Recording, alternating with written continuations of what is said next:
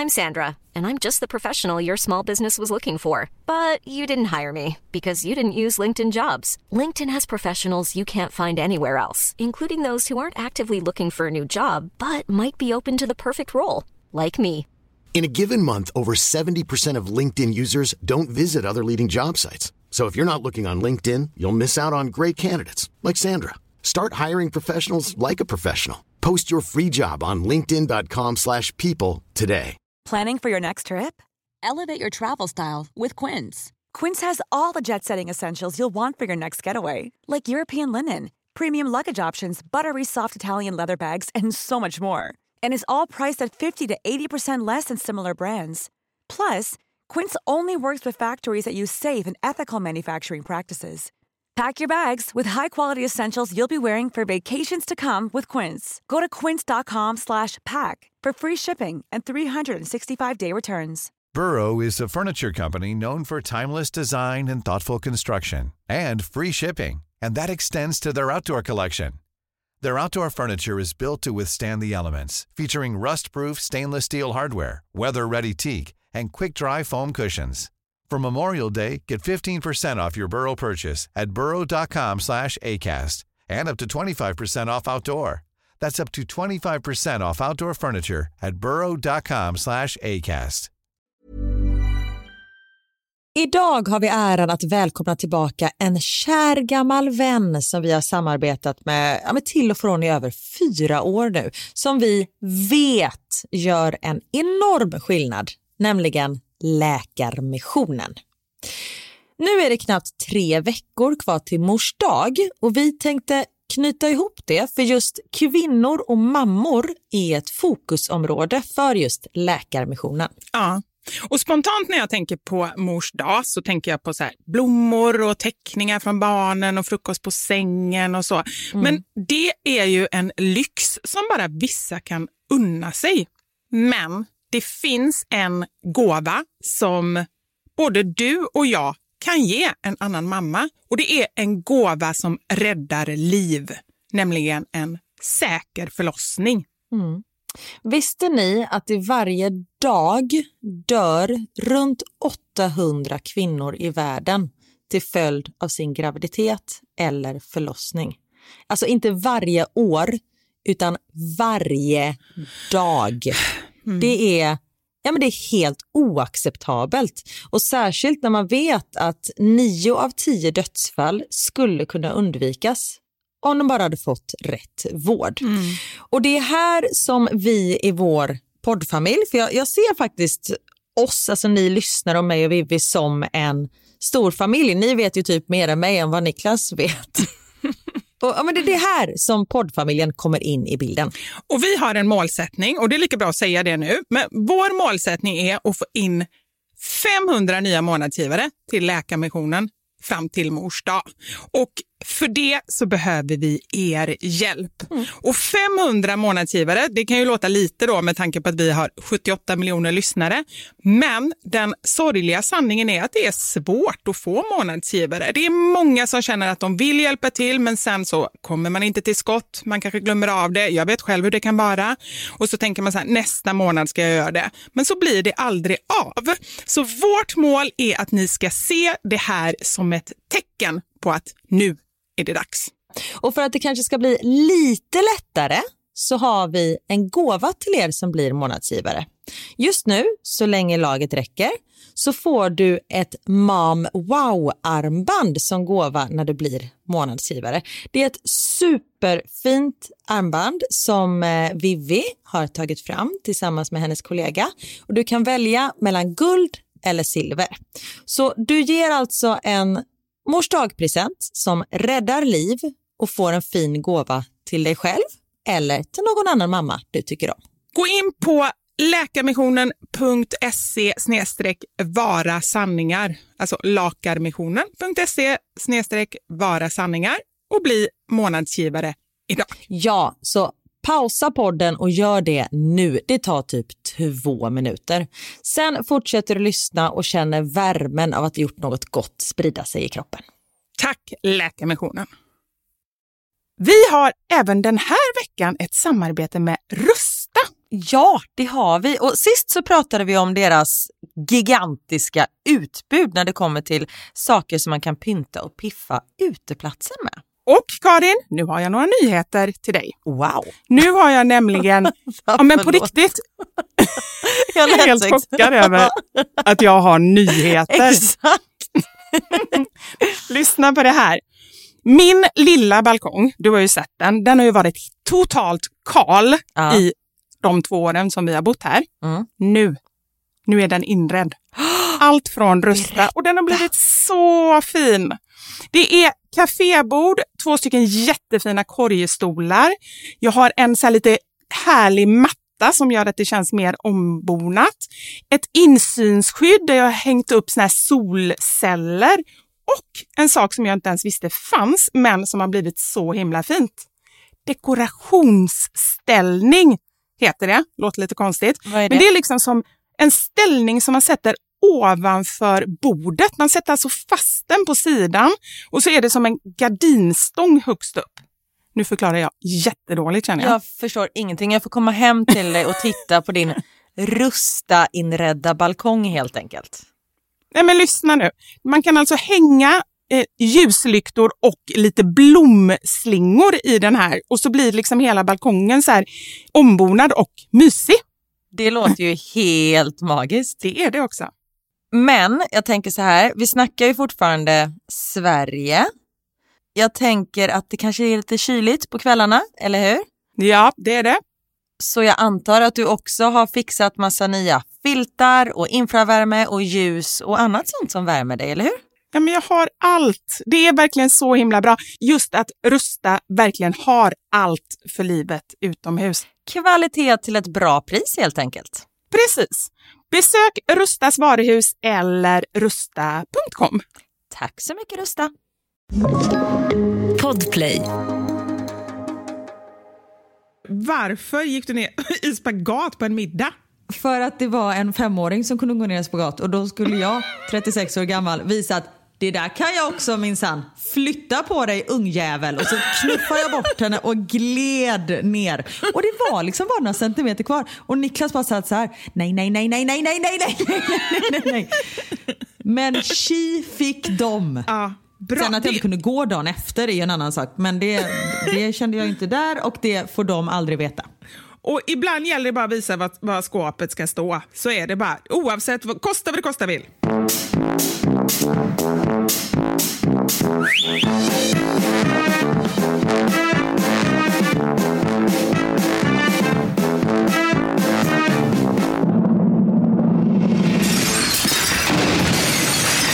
Våra sanningar. Med Vivi och Karin. Jag började min dag med riktigt dåligt mammasamvete. Oj, vad har du gjort nu Karin? Ja, det kan man ju fråga sig. Och det är inte så ofta jag har så dåligt mammasamvete. Vi har ju pratat om det innan att jag liksom, jag vet att jag gör mitt bästa. Eh, men nu failade jag i detta. Har Jag det, har det någonting lämna- att göra med att du ringde mig igår eh, och var väldigt bubblig? Du brukar ju säga att du inte gillar att ringa, men du ringde och pratade och pratade och jag tänkte, har du druckit lite vin? Frågade jag dig. Och Ja, det du, frågade du mig. Ja. Har du druckit? frågade jag. Och jag men du var "Nej, så himla bara bubblig. glad." Du bara, nej, jag är arg på Max. Ja, Ja, just det. Det var jag också. Det har jag till och med glömt. Nej, det var inte därför jag hade dåligt samvete. Nej, anledningen till att jag var arg igår var... Eh, han var bara jobbig. Eh, han, han var en fyraåring. Du vet när det är... Jag råkade sätta ketchupen på makaronerna och han ville ha den på köttbullarna. Eh, och då du vet, så här, slänger han iväg tallriken. Du vet sånt. Ah. Ganska många sådana händelser. Ja, Jag fattar. Ja. Men det var inte därför jag fick dåligt samvete. Det, sånt där rinner av mig som vatten på en gås. Ja, det är Men- bra Karin. Däremot i morse när jag skulle lämna förskolan så har de gymnastik på torsdag morgon så jag går ner till gympasalen med honom. Och så möter jag en annan pappa. Han säger man bara, ah, men god morgon, hur är läget? Ja men det är bra men fan han, var, han vägrade ta på sig ninjadräkten i morse och det var, jag bara, ninjadräkt?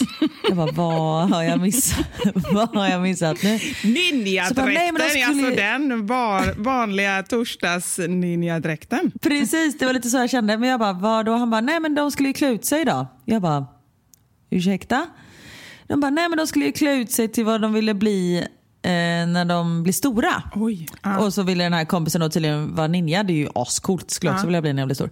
Eh, jag bara, oh fuck, det här har jag glömt. Så kommer jag till dörren där fröken tar emot, eller pedagogen tar emot. Och hon är, utklädd, hon är också utklädd och jag bara, were we supposed, eller jag tar det på svenska, jag pratade engelska med den här fröken nu Vivian. Ja. Men nu orkar jag inte prata engelska så nu tar jag det på svenska. Är det bra okej att du är tydlig. Tack för det, Karin. Ja, Ja. bra.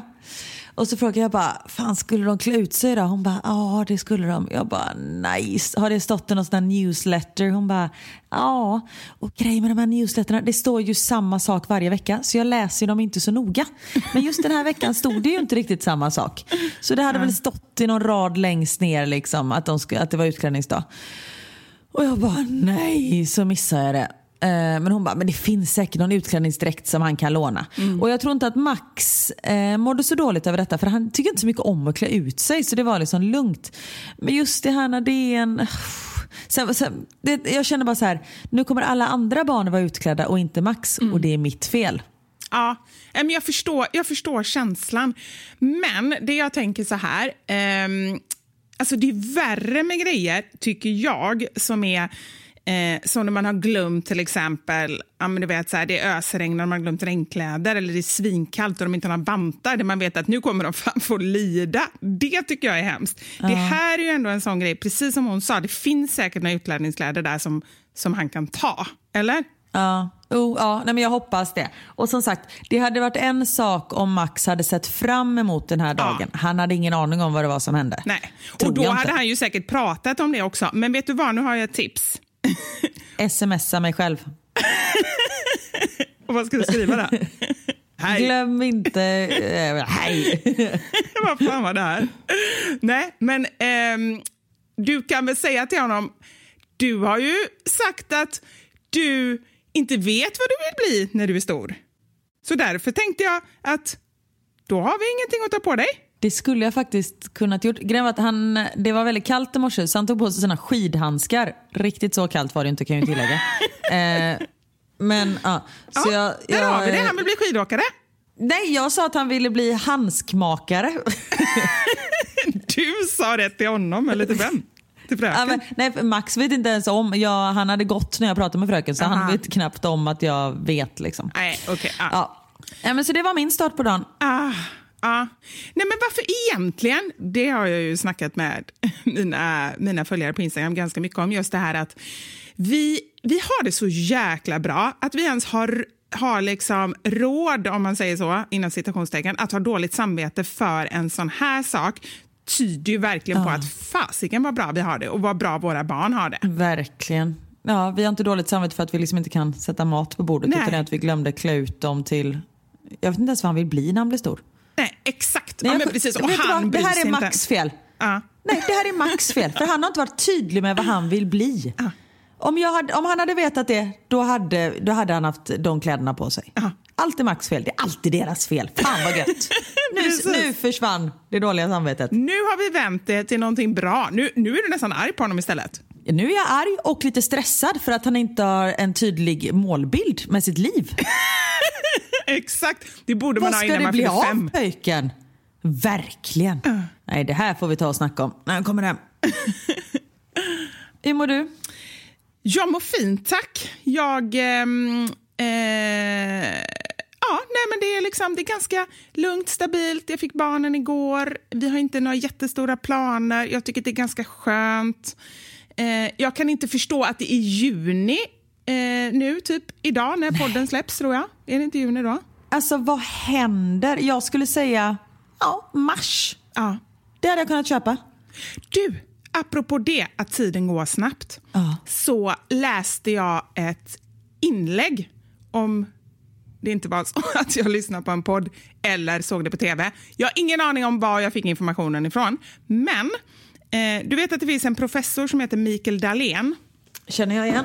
Ja, Han har varit med så på Framgångspodden och lite sådär. Ehm, Han sa, skrev eller pratade om det här med tiden. För Det säger vi ju ofta och det tycker jag nästan alla vuxna säger att tiden går så snabbt. Ju äldre man blir desto Ja. snabbare går det. Och Då har han en teori, eller om det är fakta, ingen aning, men jag säger bara det som, som, eh, som han sa. Eh, Ja. Och det är att eh, när man upprepar saker så känns det som att tiden går mycket snabbare. Och det är väldigt, väldigt logiskt egentligen. För att ju äldre man blir, desto mer gör man ju saker liksom som man gjort förut och kanske även på samma sätt. Man blir ju lite, så här, lite rigid också och lite så här, ah, men jag brukar alltid sitta här eller jag brukar alltid gå den här vägen eller vad det nu är för någonting. Och då hade de gjort något test och folk fick göra grejer så första gången och sen så här i relation hur de upplevde det, hur lång tid de kände att det tog och så. Och då visade det sig att då känns det som att tiden är ungefär dubbelt så lång när man gör nya grejer. Och det är därför det går så snabbt. Jag gör ju inget nytt överhuvudtaget. Men då tänker jag också att tiden går ju snabbt när man har roligt och vi har ju inte roligt. Eller? Eller har du roligt? Så då tänker jag att då borde det ju gå långsammare. Men det är bara en skröna säkert här med tiden går snabbt. I och för sig, det kan ju gå snabbt på, när man är på en fest. Liksom. Det är bara för att man typ är på en fest en gång var tredje år. Så att, Ja. sådär. Men annars, Ja, men då, är, då säger du ju emot dig själv nu. För då upplever du ju det här för första gången. vilket? jag vet inte ens vad jag sa. Att, att, du bara, hallå, vem är det jag pratar med? Nej, men, nej, men du sa ju att tiden går ju snabbare när man upplever något för första gången. Nej, tiden går långsammare när man upplever något för första gången. Ja, Då borde ju tiden gå långsammare när du är på fest. För att det är, det är ju nästan som att du är Ah, så på fest för menar första du. gången. Ah, så menar du. Ehm, ja, fast det är ju inte riktigt första gången ändå. Nej, men alltså så här, summa Nej, summarum så borde vi ju göra lite fler grejer för första gången, alltså nya saker. Men det är bara att jag är så himla ointresserad av det. Så fort jag tänker på något sånt, för det gör jag ändå ganska ofta, tro det eller ej. Men då tänker jag så här, men man kanske bara borde vara lite crazy, man kanske bara borde springa löprundan åt fel håll. Ja. Det var Oj, det mest oj, oj, crazy jag kom Nu, på. nu klämde du i från tårna här. Man kanske borde välja en ny chokladsmak. Så bara, Ja, nej, jag vet precis. ju att jag tycker om den här schweizernöt. Och så blir det ändå bara Ja, det men- vanliga liksom. Ja men exakt, men jag tror att man blir ju bekväm också när man är äldre. Ja, men vi kommer ju aldrig uppleva något nytt. Alltså det är ju fasiken svintråkigt. Nej, men snar, snar, det är ju därför man lever genom sina barn, för de kommer ju uppleva någonting nytt. Ja, det, Man upplever ju någonting nytt genom sina barn sen. det säger ju alla hela och sen får tiden. man barnbarn och sånt där och sen dör man. Ja, det där sista behöver man inte tänka på. Men, men det säger ju alla hela tiden. Åh, de upplever saker via sina barn och kan stå och titta på sina barn när, de, när barnen hoppar i en vattenpöl. Alltså så har jag aldrig kunnat göra. Nej, då får jag bara panik och bara tänker, ja så var det där de skorna som förstördes och de där byxorna var inte vattentäta. Och, ja. Ja, nej men antingen så eller så här, du vet, vissa bara, idag tog det två timmar och 15 minuter att gå hem från förskolan. En promenad som normalt sett skulle ta fem minuter. Det har inte hänt oss.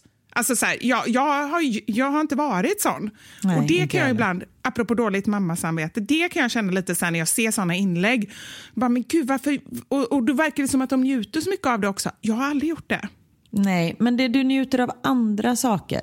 Och det, jag har ju börjat, apropå att göra nya saker, jag har ju börjat plugga. Jag Ja, berättade för några veckor sedan att jag har anmält mig till en utbildning där jag ska bli hundinstruktör. Och min kurs började i förrgår. Och jag fick en första uppgift. Jag skulle läsa igenom ett valpkompendium, eller ett kompendium om valpar och sen skulle man liksom diskutera det här och eh, skriva och sådär. Jag, jag klickade på kompendiet, såg att det var 15 sidor, klicka ner det. För det, det blev för mycket för mig. Så jag har fortfarande inte gjort någonting. Men, men, Men nu kan du säga att du har börjat plugga då. Om du har börjat plugga. Nej, men jag har ju laddat ner det här programmet och jag har skrivit ut de här sidorna och sånt där. Men där är ju en sån sak, för där är, när man är äldre, när man är yngre och man ska lära sig någonting nytt, då är man liksom så här, ja fan vad kul, nu kör vi. Och så känner jag med det här också, men också lite rädd. För nu är jag så här, när man var yngre och satte sig i en skolbänk, då var man ju Eh, då var man inne i det. Nu är det ju liksom 25 år sedan jag satt i en skolbänk. Hur gammal är jag? 25? Nej, kanske inte 25, men 20. Folk Eh, skriver in när vi jag- ska räkna. Jag tror vi får försöka och inte, inte räkna framöver. Nej, jag vet. Men herregud, förra veckan, jag ber om ursäkt. Jag var ju så väck. Eller hur? Det Nu var- när du lyssnar på det, du hade ju fel, eller hur? Nej men när jag lyssnar, ja, men så jävla fel. Men jag var ju helt snurrig och även när du förklarar, jag bara nej, nej, nej. Ja, det var ju bara, jag ber så hemskt mycket om ursäkt. Det, var, det, det slog slint. Ibland blir det Men så. där är alltså, just det här med att man inte är inne i det tänket. Och det, det är ju bara att jag ska sätta mig och läsa och Mm. jag kommer ju tycka att det är jätteintressant. Men bara den här, oh, okej nu händer det någonting nytt här. Ja. Så man är, nej, man är inte van vid det alltså. Jag undrar om det går att få den kurslitteraturen i ljudbok. Det hade ju varit väldigt trevligt och skönt. Du, det har jag eh, sökt efter. Men det fanns, de, min kurslitteratur fanns typ ingen ljudbok. Vilket var synd, för det är ju oftast det man har liksom tid med. Det är ju då jag lyssnar på ljudböcker och så. Ja.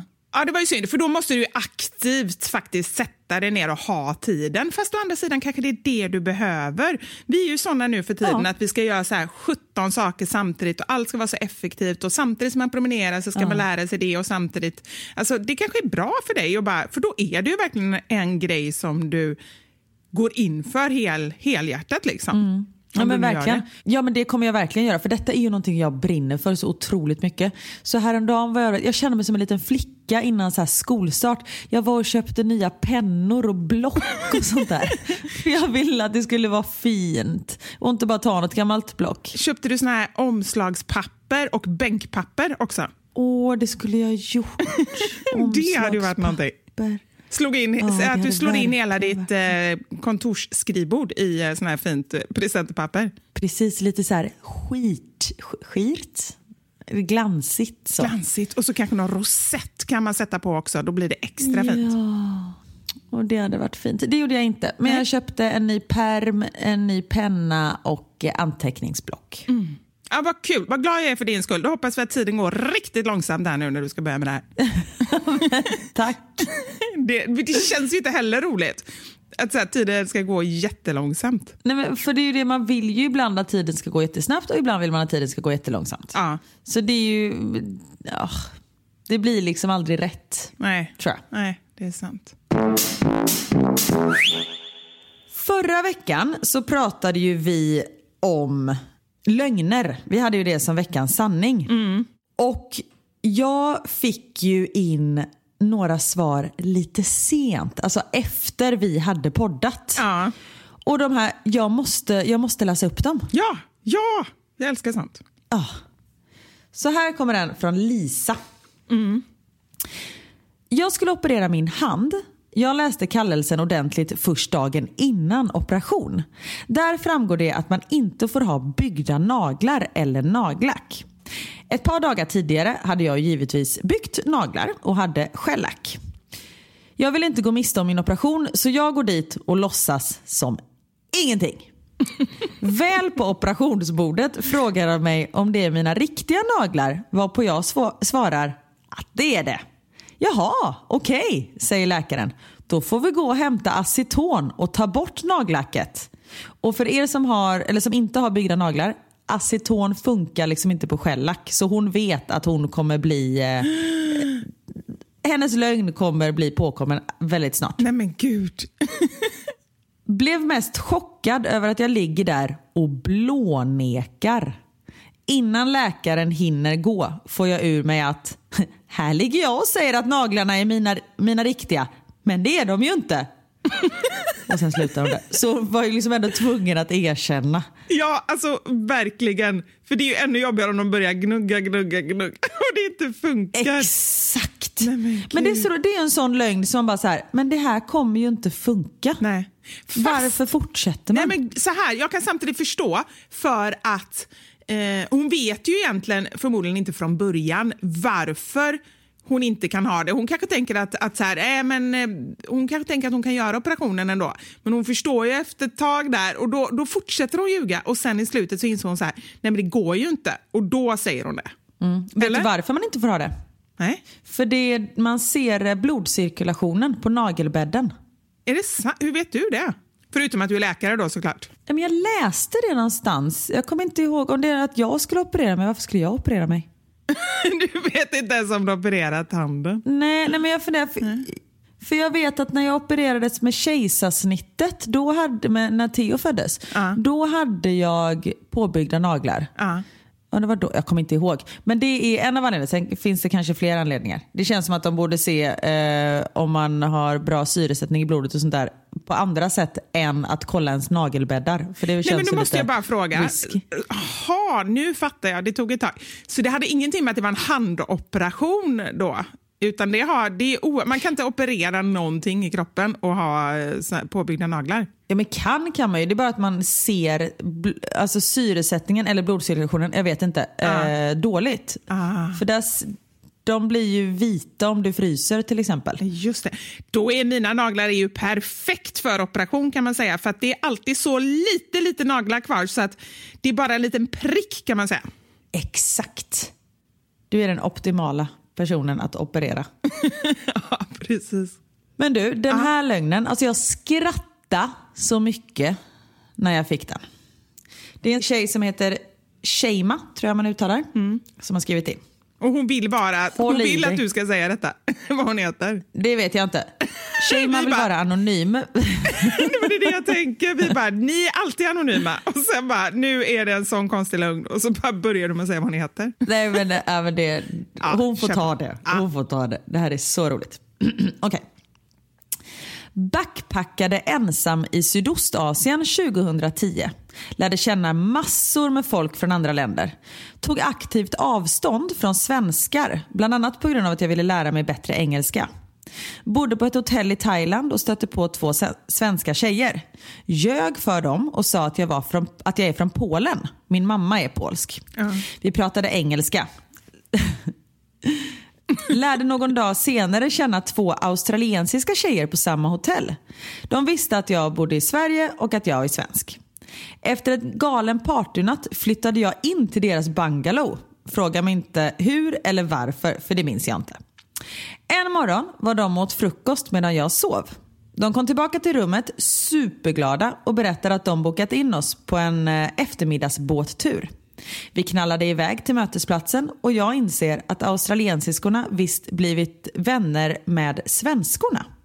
Vi skulle på utflykt tillsammans. Det vill säga två tjejer som visste att jag pratade svenska och två tjejer som trodde att jag inte pratade svenska. Nej men gud.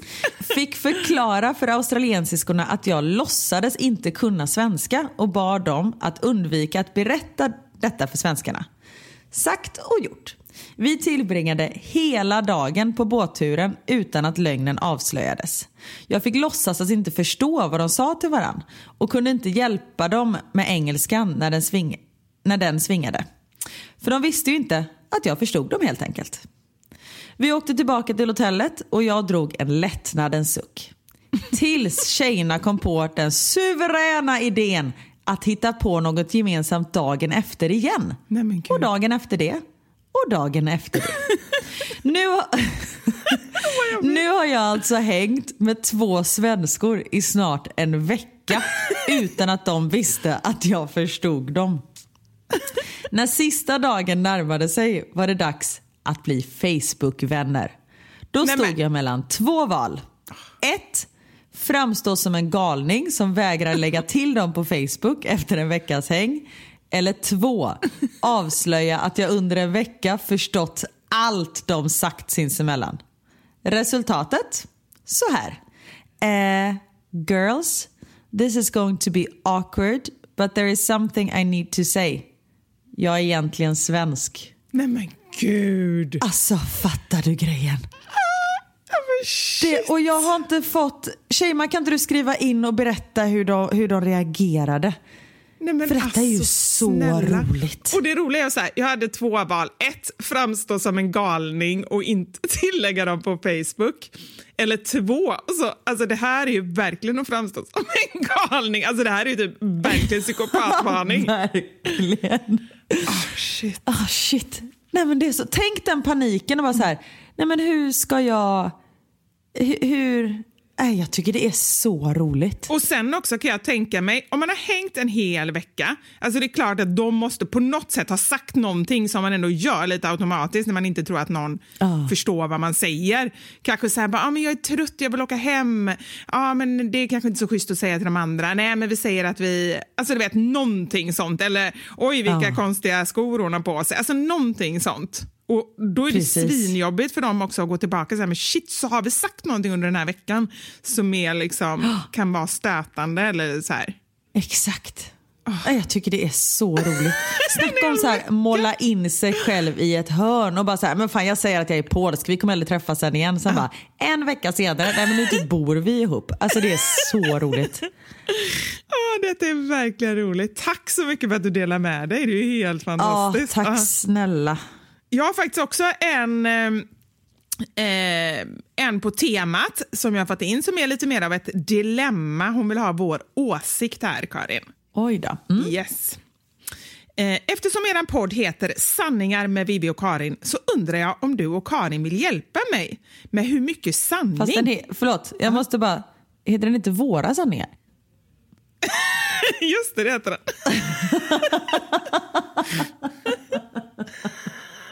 Roligt att inte du reagerar. Jag reagerar inte ens.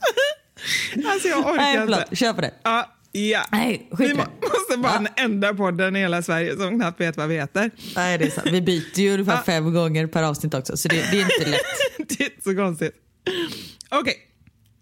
Hur mycket sanning ska jag alltså säga? Här kommer mitt dilemma. Jag och min sambo har varit tillsammans i tio år. Han är en sån som älskar att starta en massa projekt men är värdelös på att avsluta dem. Han är dessutom en sån som gärna gör allt själv och är det något han inte kan så testar han sig fram. Vilket i och för sig är en egenskap som jag beundrar. Men problemet är att han ofta tycker att saker blir bra eller att äh, det duger och att han själv blir riktigt stolt över sig själv. Hur säger jag till honom på ett fint sätt att det faktiskt inte ser bra ut? Ska jag säga något? Jag har ju varit helt tyst om det i tio år. Får jag stå mitt kast nu? Problemet är ju att det är oklara och inte så fina renoveringar över hela huset. Jag har inte hjärta att säga något när han lagt så mycket tid på det. Vad tycker ni? Oj. Ja, men det är också en sån, det har väntat så länge. Ehm, Precis. men, men egentligen så är det ju så, så här, om man ogillar någonting som ens partner gör eller har på sig eller sådär, då är det lite så, ja men första gången man ser personen i de där tofflorna, jag tänker på hon med de där hemska tofflorna i förra avsnittet. Ehm, då kanske man inte säger någonting. För Man kanske inte tycker att det är jättehemskt första gången men sen när man ser att, att personen faktiskt har på sig det hela tiden och dessutom så här, blir lite självgod och kanske så här, älskar de här, då kanske man börjar störa sig på det mer. Men samtidigt har det då gått så lång tid så att det är lätt att den personen då tycker att "Ja, men varför har du inte sagt något innan? Och det är samma Ja, i det här precis. fallet. Så jag måste berätta, min bror när han träffade sin eh, fru, Ja. det var på dansskolan. Daniel var 17 och Helene var 22. Oj. Ja, det skiljer eh, fem år mellan dem där hon är äldre så det är lite ovanligt. Ja, men det är Ehm, underbart. Det är underbart. Men då hade han en hawaiiskjorta på sig och hon var ju så här, hon bara, jag, jag vill prata med honom, jag vet inte vad jag ska säga. Så hon gick fram till honom och hon bara, snygg skjorta. Och Daniel bara, oh, tack. Sen efter det, och så han hade ju så här, liksom spanat in henne också utan att hon visste om det. Och då såg han liksom så här, han bara, hon gillar hawaiiskjortor. Jag köper fler. Så han köpte ju liksom så här 40 hawaiiskjortor. Så han hade ju bara olika hawaiiskjortor varje dag. Och hon gillade ju inte ens hawaiiskjortor. Det var bara så här liksom att hon ville ja, få igång ett samtal. Nej men snälla. Exakt. Åh, ja, men snacka om någonting som blir fel. Ja, han har vuxit ifrån det där som tur är nu. Så nu eh, men hur lång tid tog det 20 innan hon sa det? Nej men jag tror att, eller det vet jag faktiskt inte. Nej. Men, ja. Nej, men jag tänker att nästa projekt, hon kanske inte behöver säga så här, jag tycker ingenting du har gjort hittills har varit bra. Alltså man behöver inte gå tillbaka i tiden. Nej. Men man kan ju ta det, om, om han så här, nu vill jag renovera trappan. Och då kan ju hon så här, men du fan ska vi, inte, ska vi inte ta in någon istället? Eller så att du får lite hjälp så att det... Eh, man Förra inte- gången så ramlade vi ju igenom trappan så det kanske inte var så men lyckat. Nej, men och bara lägga det så här, men så slipper du göra det eller så kan du njuta av något annat eller så kanske det går lite snabbare. Alltså du vet att man Ja. lägger upp det på ett sånt sätt. Ja. Men grejen är ju så här, risken är ju då att det ändå kommer upp så här, ja men det gick ju så bra förra gången när jag gjorde det och så liksom blir det ändå referenser. Grejen är, hade jag gjort en sån grej, då tror jag så här, då kanske jag hade försökt att säga det så snällt. Och då, om, det, om då min partner så hade sagt, ja, men det, har det gick ju så bra förra gången, då tror inte jag att jag hade kunnat hålla mig. Då hade allt kommit Nej. samtidigt. Allt. Ja, jag fattar. Ja, den är skitsvår. Kan inte ni som lyssnar skriva in lite? Eh, lite svar? Fast jag tycker att det du sa det var bra. Det var jättebra. Om man klarar det så är det jättebra. Att man liksom börjar, börjar om. Ja men precis, och att man inte liksom tänker tillbaka och att man inte pratar, jag vet bara när man ska, eh, om man bråkar med någon eller om man ska berätta att man blir ledsen, då ska man liksom prata om hur man själv känner. Inte hur, eh, vad den andra gör. Utan så här, jag blir ledsen när du, att man liksom lägger över det på sig själv så att den andra inte känner sig anklagad. Eh, Då kan man säga, men så har, så har vi med, mer tid tillsammans och så kan vi hitta på någonting annat istället för att du ska bygga hela nätterna. Du vet att man gör något sånt. Ah, alltså det, är, det är inte enkelt. Men att säga det lite försiktigt eller att liksom... ehm, och snarare prata framåt, alltså kommande projekt istället för att gå på de gamla. Det är bra. Precis, Ah. Exakt.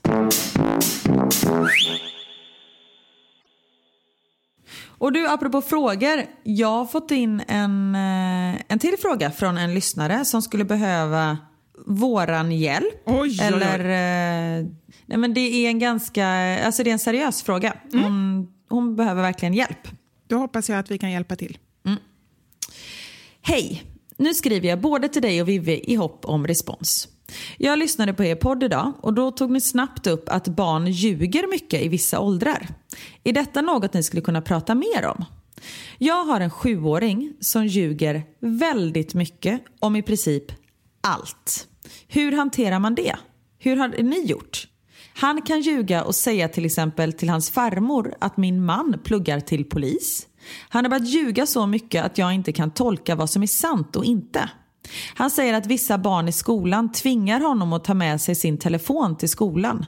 Att de tvingar honom att visa snoppen, annars slår de honom. Jag får mail från skolan varje vecka om hur han visat snoppen i skolan, inte haft tröja på sig eller inte lämnat in hans telefon i skolan. De får inte ha dem under skoltid. Och han har tagit sin telefon från personalens skåp. Hur vet man vad som är sant? Jag skäller aldrig på honom utan förklarar att det kan vara att det kan vara farligt att ljuga, att jag inte kommer bli arg om han ljugit och sen berättat sanningen för mig. Hade ni kunnat ta upp detta i podden? Eller om någon mer om era lyssnare varit med om samma, samma sak och hur de hanterat det och vad som gjorts? Har det försvunnit? Tack för att du läst hela meddelandet och tack för en superbra podd. Och då frågade jag henne om hon vill att jag ska eh, ta upp det här i podden och hon ville jättegärna det. Ah gud, Den är Ja, svår. och det är som du säger, det är jätte, jättesvårt. Min första känsla, just det här med ehm, eh, när det kom in på ja, men visa snoppen i skolan och, och liksom sådär, Mm. då tänker jag bara att, ehm, att man kanske behöver eh, professionell hjälp på något sätt. För det är ändå någonting som ehm, ja, men som kan bli jobbigt för honom och liksom för fler barn och, och även för dem. och så där, så att man för vi kan ju säga nu vad vi tycker, men, men jag tänker också att, att det skulle vara skönt, hade jag tyckt, att vända mig till, eh, ja, men till vårdcentralen eller till, till någon skolpsykolog eller någonting och se vad de tycker att man ska göra. Men verkligen, för det finns ju, jag tänker att det måste ju finnas en anledning till varför han gör de här grejerna. Det kanske är för att han vill vara den roliga killen. Ja. Alltså så här, jag, alltså så här, åh titta här! Alltså att man är liksom, det är inte det att han vill visa sin snopp utan att han vill, att han vill vara rolig. Han Ja, vill vara liksom en det. Mm. clown. Och, och det kanske beror på att han är osäker i sig själv. Att han liksom försöker få mer kompisar. Du vet att det ligger någonting mer bakom. Eh, det handlar inte bara om att han ljuger utan det är liksom någonting, någonting djupare än så. Men sen tänker jag också, han sa ju själv att det var hans kompisar som tvingade honom att visa snoppen. Att kolla upp också, kan det ligga någon sanning bakom där? Eh, för det uppfattar inte jag i meddelandet att att hon tolkade det som att det var en lögn, men det kanske finns någonting på något sätt som han har, antingen att det är så eller att han har uppfattat det på något sånt sätt att de tycker att han ska göra det på något sätt. Men absolut. Nej, men gå djupare i det och inte bara se det som att han ljuger jättemycket. Utan att det sker faktiskt av en anledning. Men sen kan jag ju gå tillbaka till mig själv då. Ehm, dels, jag berättade ju i förra podden just att jag ljög om massa saker så här, men det var ju mer harmlösa lögner. Att, att eh, eh jag hade en propeller på ryggen och kunde flyga utomlands och lite mm. sånt där.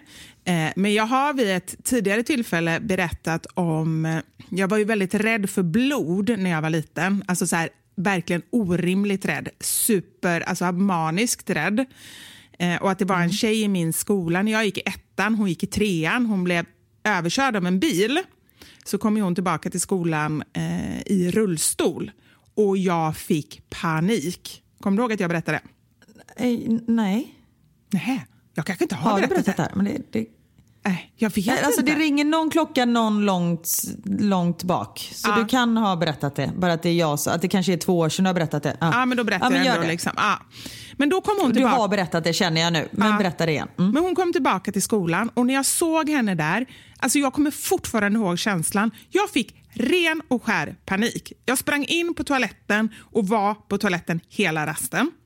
Och Jag insåg ju då efter någon dag att så här kan jag inte fortsätta, jag måste hitta på någonting. Och Av någon anledning så kunde jag inte säga hur det var. För jag förstod ju själv att det var lite annorlunda att säga att jag vågar inte träffa henne.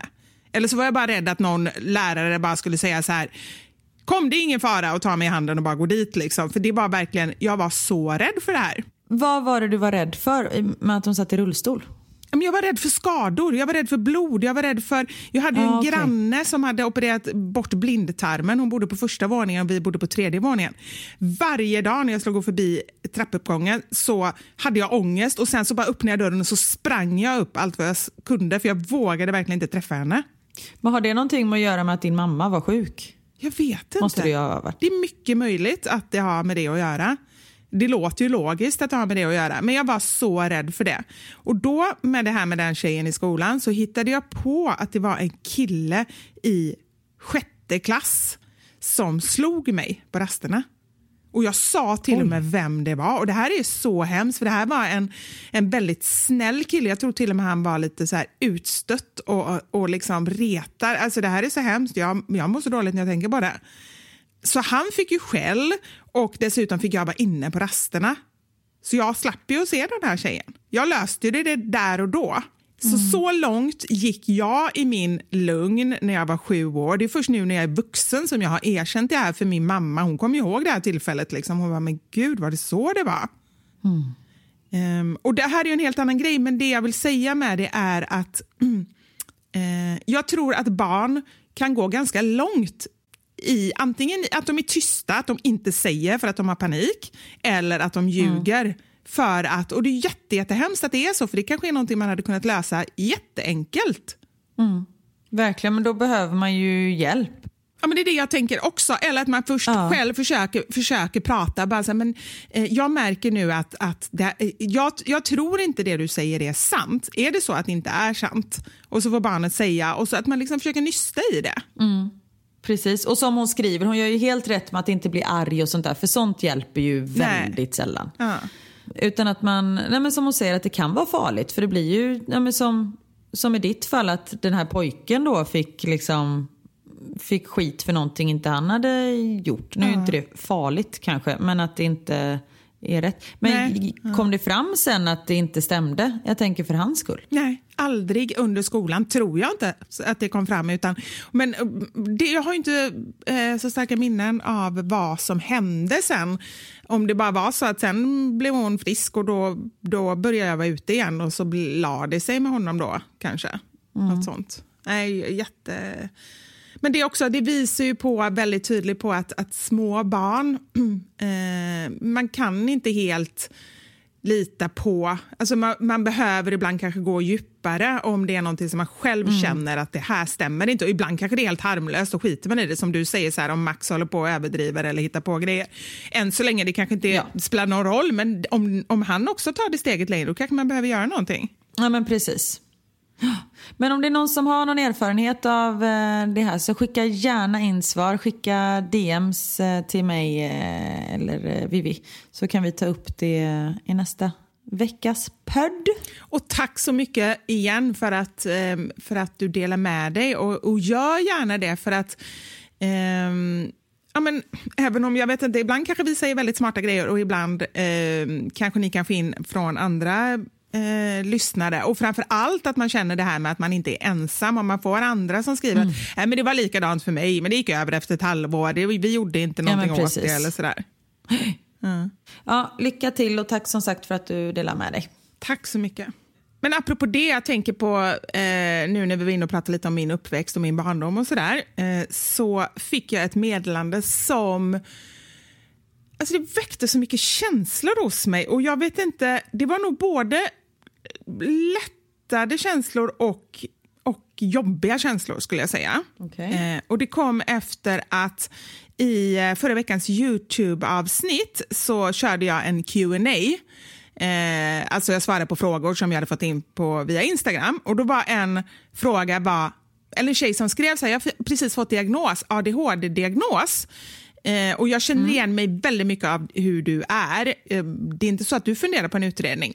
Och då svarade jag på det mm. i Youtube och sa mm. att nej men jag har funderat på det också. Det är mycket möjligt att jag har ADHD. Men, eh, och det är jättebra att man kan göra utredningar men jag känner just nu inget behov av det för att jag känner att eh, det spelar inte jättestor roll om jag får ett ja eller ett nej, för jag tror inte att det är så gravt att jag behöver medicin och eh, jag har ganska bra förståelse för mig själv ändå. Ungefär så svarade jag. Och då fick och jag, vad, jag måste bara fråga, uh. vad är så här typiskt ADHD då? Alltså varför tror du att du kanske skulle kunna ha det? Um, till exempel det här att man har väldigt, väldigt många grejer på gång. Man har svårt att avsluta saker utan man har liksom det här med alla mina flikar och alla mina... Eh, liksom, ja, men du vet, om jag städar hemma så börjar jag i ett rum och hittar, om jag börjar en låda och där hittar jag servetter som ska in i en annan låda och då så gå in i den lådan och ser att det är kaos och då river jag ut allting där och hittar någonting som ska till en tredje låda och då river jag ut allting där och det slutar med att det är liksom bara kaos ja, överallt. Jag, kan liksom inte, jag har jättesvårt att avsluta saker. Jag ska bara säga, nu låter det som han som, eller hon som skickade in brevet om sin man som renoverar. Han har ju antagligen en ADHD-diagnos, där har vi ju svaret på det. Här. Det passar ju väldigt bra in där. Och vet du vad jag tänkte? Det kanske egentligen är Anders som har skickat in det under alias.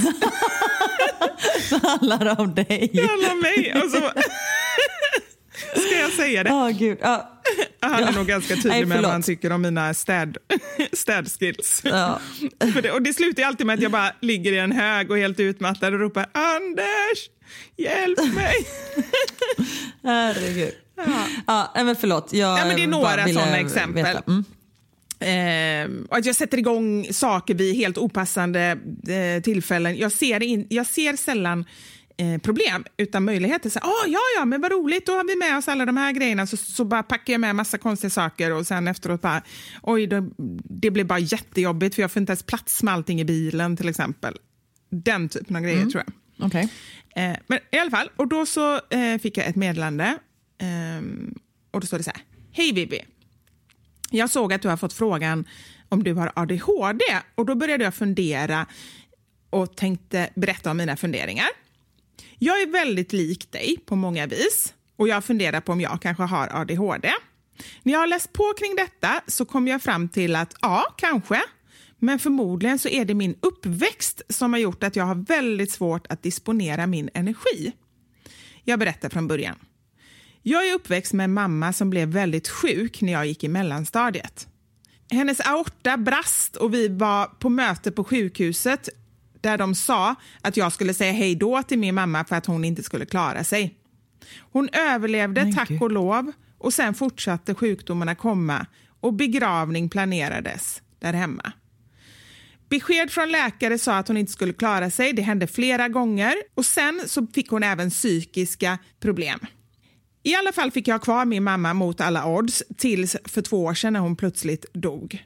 Flera saker hände då i mitt liv samtidigt. Min mamma dog, jag fick precis min dotter och min man blev sjuk. Då gick jag på rehab för den här utmattningen som jag fick och fick ingående lära mig om nervsystemen vid utmattning och om hjärnan. Min kropp har med största sannolikhet lärt sig att det inte är lönt att koppla bort för det kommer faror hela tiden. Min kropp är på gång för att förbereda sig för det värsta hela tiden. Detta gör mig alert och på gång och kreativ till viss del men också helt slut och dränerad, gråtmild och i väldig obalans. För kroppen orkar inte vara jagad av faror hela tiden och kroppen har inte lärt sig att reglera det här på ett sunt sätt. Det här gör att jag är väldigt lik någon som har ADHD.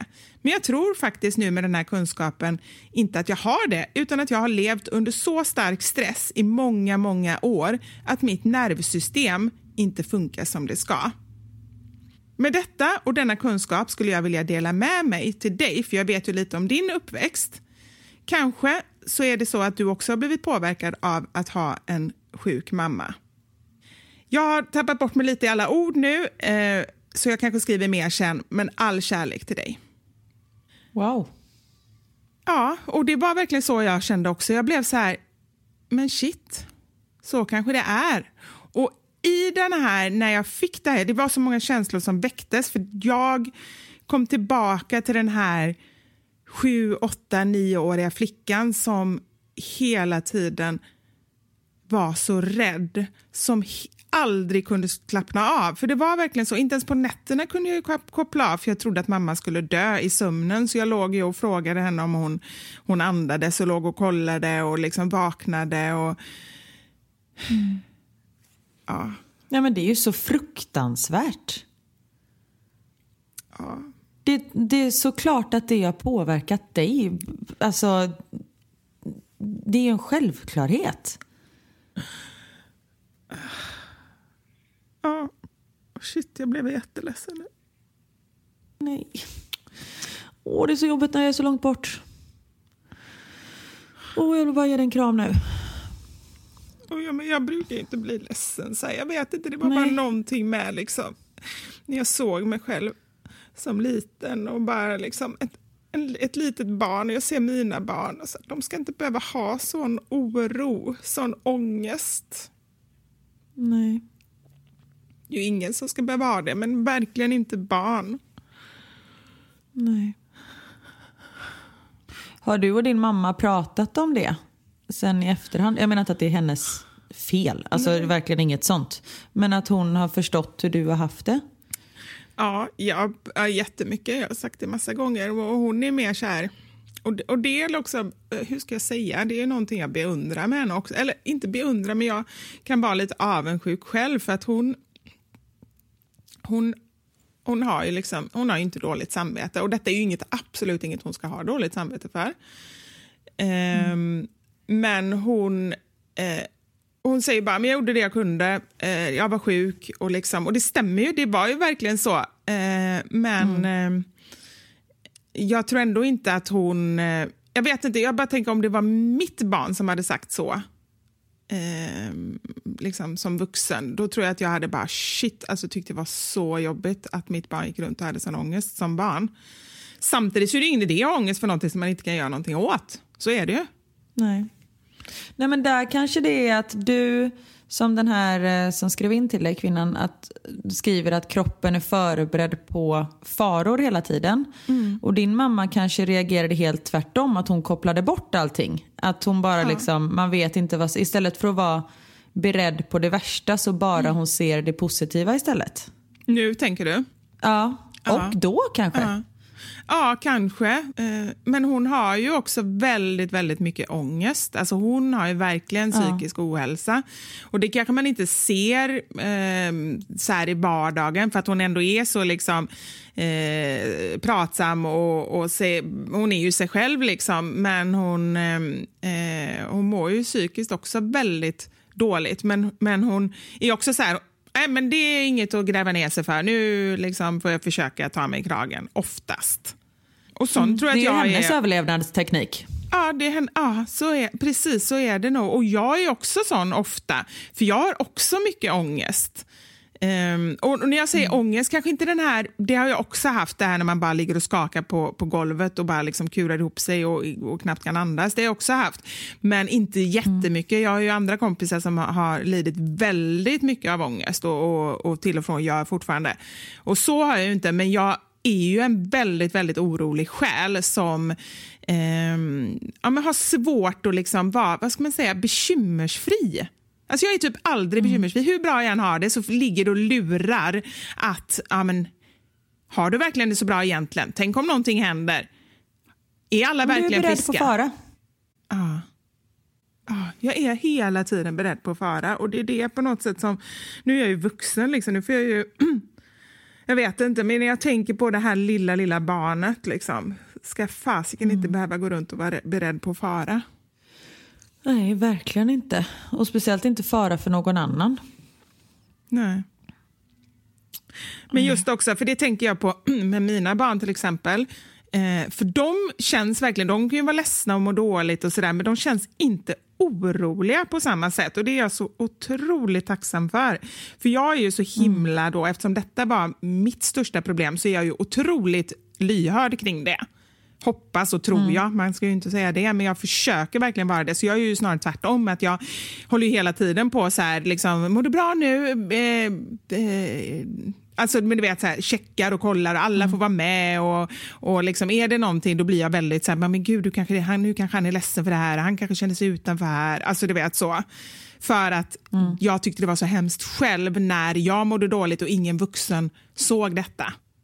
Mm. Märkligt att ingen såg. Jag förväntar mig, alltså din mamma, att inte hon såg det, det hon hade ju fullt annat. Jag hade ju inte så många andra. Jag hade mamma och men jag mormor. tänker skolan, eller det kanske var en annan tid då? Det var, Man jag var tror väl det. Inte så, ja. Jag tror det var en helt annan tid. Mamma säger det själv. Så vi, nu är ju det just min mamma. då. Liksom. Hon bara, ah, jag var bara glad att du åt och gick till skolan. Då, då var jag nöjd. Och, och alla mm. andra hennes, liksom, eh, i, i, hennes bubbla, i hennes bekantskapskrets som var visserligen ganska mycket eh, ja, men, jag tror inte det var de som, som liksom, eh, vad ska man säga, antingen var det tiden eller så var det eh, i den miljön. För jag tror ingen annan heller så gick till sin psykolog med sina barn och sånt där. Nej. Men hur säger, du, hur säger du om det? Du som ändå har en psykolog till mamma. Oj. Nej, men jag var ganska, nu ska jag inte säga bekymmerslös, men det...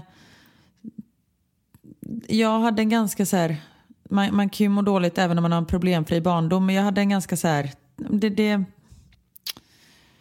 jag har haft det väldigt bra, så ska jag säga. Uh. Ehm, och peppa peppa ta i trä.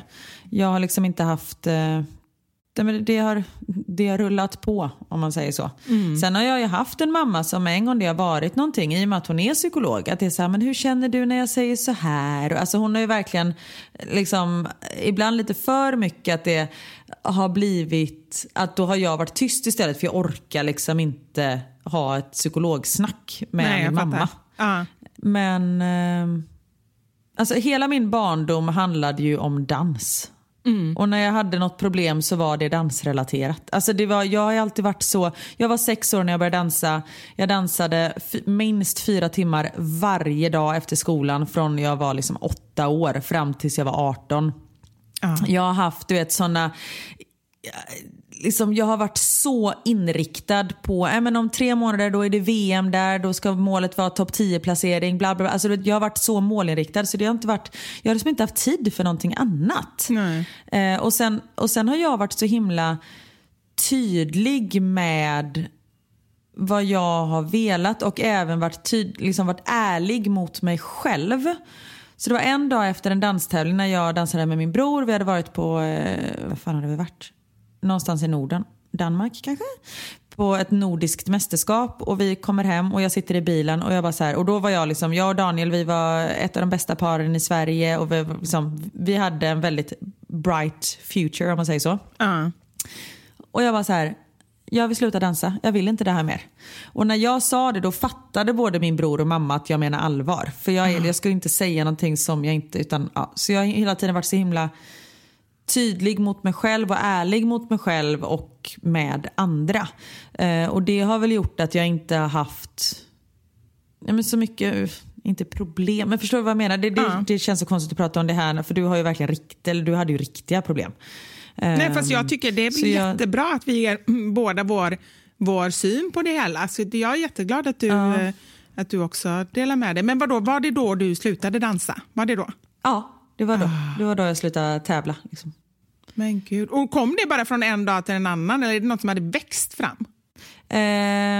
Men det hade väl växt fram men så ville jag väl inte riktigt känna så. Men när jag väl kände så här, nej det här kommer liksom inte bli bättre. Än jag, jag, vill inte, jag kände inte ett behov av att bli bättre än vad jag var. Och då kände jag också, i och med att det är liksom en lagsport om man säger så, att det är så här, men nu är jag ju inte snäll mot min bror. Om jag känner att jag inte vill mer, då är det ju oschysst mot honom. Nej. Och så det blev att han slutade också.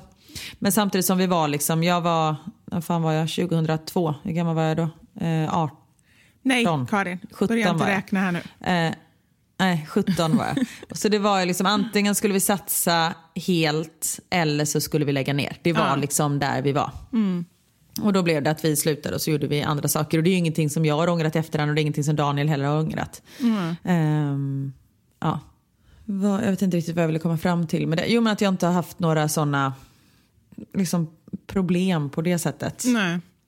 Nej, men jag tycker bara det är så fantastiskt att höra för att ehm, m- där jag kommer ifrån, min uppväxt, mina vänner som jag umgicks med. Sen är det svårt att veta hur dåligt alla mådde av det. Vissa av dem vet jag ju, men det var otroligt mycket eh, ja, men bekymmer, mycket missbruksproblem. I stort sett alla var skilda. Jag säger inte att det behöver vara ett problem, men på den tiden så var det också att, att papporna fanns ju väldigt sällan med i bilden. Som mest varannan helg där de liksom hittade på någonting med barnet. Ehm, väldigt mycket psykisk ohälsa. Jag tittar på mina liksom, ehm, kompisar när jag växte upp. De nära som jag hade, om man säger så här fem, sex stycken så här, i, som gick i min handboll och, och i min eh, eh, klass. Jag skulle säga alla. Jag kan inte komma på någon av dem som inte hade problem på ett eller annat sätt.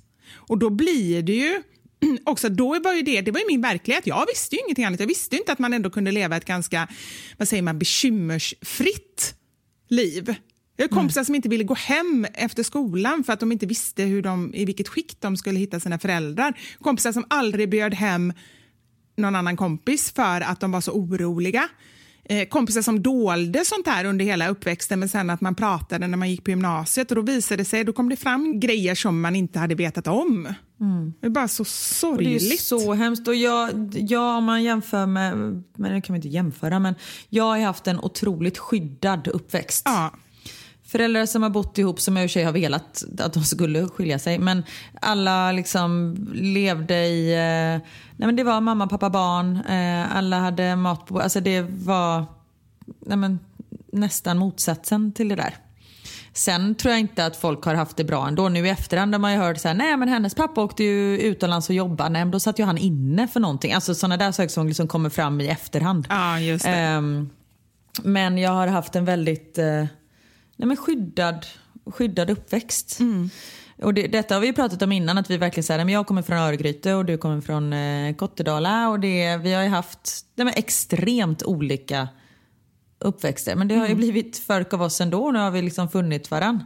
Um... Ja, men absolut. Och det känner jag verkligen också att många av de grejerna som jag nu känner att jag uppskattar med mig själv i mitt sätt att vara, mitt sätt att tänka, mitt driv. Sådär. Jag tror aldrig att jag hade haft det och varit det eh, om inte jag hade varit med om de, de motgångar och, och haft det, det tuffa som jag också har haft. Och också det här att liksom, jag har gått mycket till psykolog, jag har liksom, för att jag har mått så dåligt så att jag var tvungen att ta reda på mer om mig själv och, och hur jag kan må bättre och så här.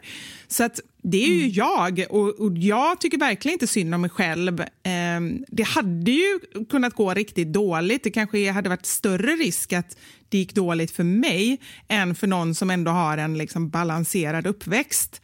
Eh, Men nu när det ändå har gått bra så känner jag att ehm, jag vet inte, jag känner mig också tacksam för det. Inte alla grejer som jag har varit med om, men, men vissa saker. liksom.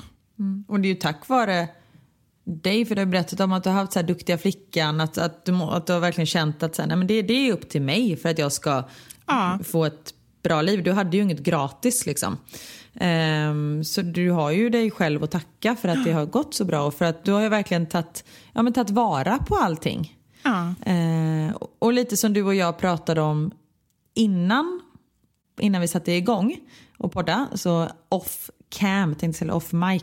Ja. Att vissa saker drabbar nog en viss typ av människor för man vet att de kommer klara av det. Nu menar jag inte att det är Gud som sitter och pekar på Nej. så här, detta ska hända den personen. Men att du har ju faktiskt klarat av det här. Och det Ja. har gått jättebra för dig. Eh, sen att det har satt sina, eh, att du har fått dina R liksom. Men samtidigt som det gör du ju någonting med. Du känner ju så här, men det här måste jag jobba med och då gör du ju det. Ja. Och det är ju det som inte alla gör och så kanske det blir fel. Mm. Men om jag kan säga någonting då till, om vi nu ska sammanfatta det här på något sätt, Um, och, och ni känner själva att ni mår dåligt psykiskt av en eller annan anledning, så det enda jag kan säga är ju att snälla sök hjälp. För det finns hjälp Ja. att få. Det finns så mycket bra professionell hjälp. Och jag vet att när man mår riktigt dåligt är det, sån, det är liksom sånt motstånd att ta tag i det. För det känns som att liksom så här, det är ingen som kommer hjälpa och man orkar inte, man har ingen energi. Men om du har någon närstående som du bara kan liksom berätta för som kanske kan hjälpa dig och då ringa det här samtalet, följa med första gången eller sådär. ehm, så, så är det ju fantastiskt. Men det, det, om jag nu ska sammanfatta det så, så är det ju det som jag hela tiden kommer fram till att det finns hjälp att få. Ja men verkligen. Och det, jag menar, du har ju tagit hjälp som har berättat med att gå till psykolog. Och i och med att jag har en mamma som är psykolog. Eh, jag menar inte att jag har fått hjälp av henne, eller det har jag ju också fått. Men att man liksom har normaliserat det här att gå till Ja. psykolog. För i vissa, eh, eh, jag tänkte säga religioner heter det inte, men i vissa eh, familjer så är det ju ja, men det är tabubelagt att liksom söka hjälp. Att det här ska man klara av själv. Och det ja. Men det är vissa saker ska man inte klara av Nej. själv. Och man kan inte klara av dem själv. Det finns liksom psykologer och läkare och sånt, de finns där av en anledning. Det är för att hjälpa saker. Och de är utbildade det. Vi är inte utbildade, eller du och jag är ju i sig typ utbildade psykologer skulle man kunna säga. Ja, men inte- inte alla ehm, andra. Nej, exakt. Och då, eh, då finns vi här för er. Jag skojar, nej. Eh, ja, men det, som du säger, sök, sök hjälp. Det, vissa saker ska man inte behöva klara av själv. Nej. Och det är stora som små problem. Verkligen. Inget problem är för litet för att Nej. ta tag i. Nej. Ja, bra. bra sammanfattat. Tack. Och tack för ditt medlande. Det sa jag nog aldrig. Men tack för det väckte känslor och jag tror att det är bra med känslor. Verkligen. Ja, vilken sjuk skillnad det blev på det här avsnittet om Ja. man jämför med eh, förra veckans avsnitt. det kan man säga. Men det, Ja. som sagt var, det är ju, hade vi inte hetat Våra sanningar, som vi nu har kommit fram till att vi faktiskt heter, så hade vi kunnat heta Högt och lågt. För det är ju ungefär det vi Verkligen. står för också. Ja, och apropå förra veckans eh, podd eh, när vi pratade om eh, fittkonfetti bland annat.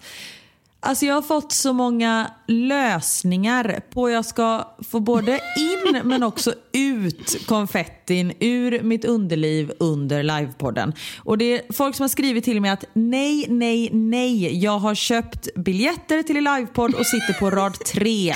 Hur ska detta sluta? Kan man byta rad? Och det, ni får stå ert kast, så kan vi säga.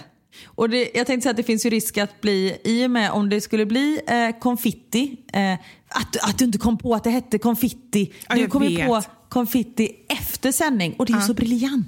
Jag vet, alltså sånt är nästan nu det jag stör mig mest på, måste jag säga, när jag poddar. Eh, såna här smarta grejer som man inte kommer på under tiden och bara efteråt, bara, man kan ju inte bara lägga in det. Är det en artikel man skriver eller ett inlägg, då kan man ju bara så här, efteråt skriva in det här smarta så är det gjort. liksom. Men inte i podd. Precis. Nej, eller vi skulle ju kunna men då skulle ljudtekniken ha lite för mycket att göra. Ja. Nej men det är många som har tipsat om du vet, såna här party poppers, du vet såna som man drar i, såna som är ganska små. Ska men jag dra kom vi då, på eller? då Nej men det är ju det som är snöret är ganska kort så då tänker jag då får man liksom, och plus att man drar ju bakåt så jag kan ju inte, alltså det är svårt. Men, men då pratade jag med en eh, lyssnare om att man kanske kunde förlänga det här snöret så att den liksom att man vänder på snöret inuti shishittan. Men då sa jag att då kan ju alltså den här lyssnaren då, då hon kan testa först eh, och sen skulle hon återkomma till mig Ja. eh, med resultat. Det är bra. Det är alltid bra. Så brukar du göra. Du, när jag presenterar någonting som du tycker är Ja. nja, sådär bra, då säger du prova först så får vi se. Absolut, absolut. Apropå att prova saker. Det har blivit dags för...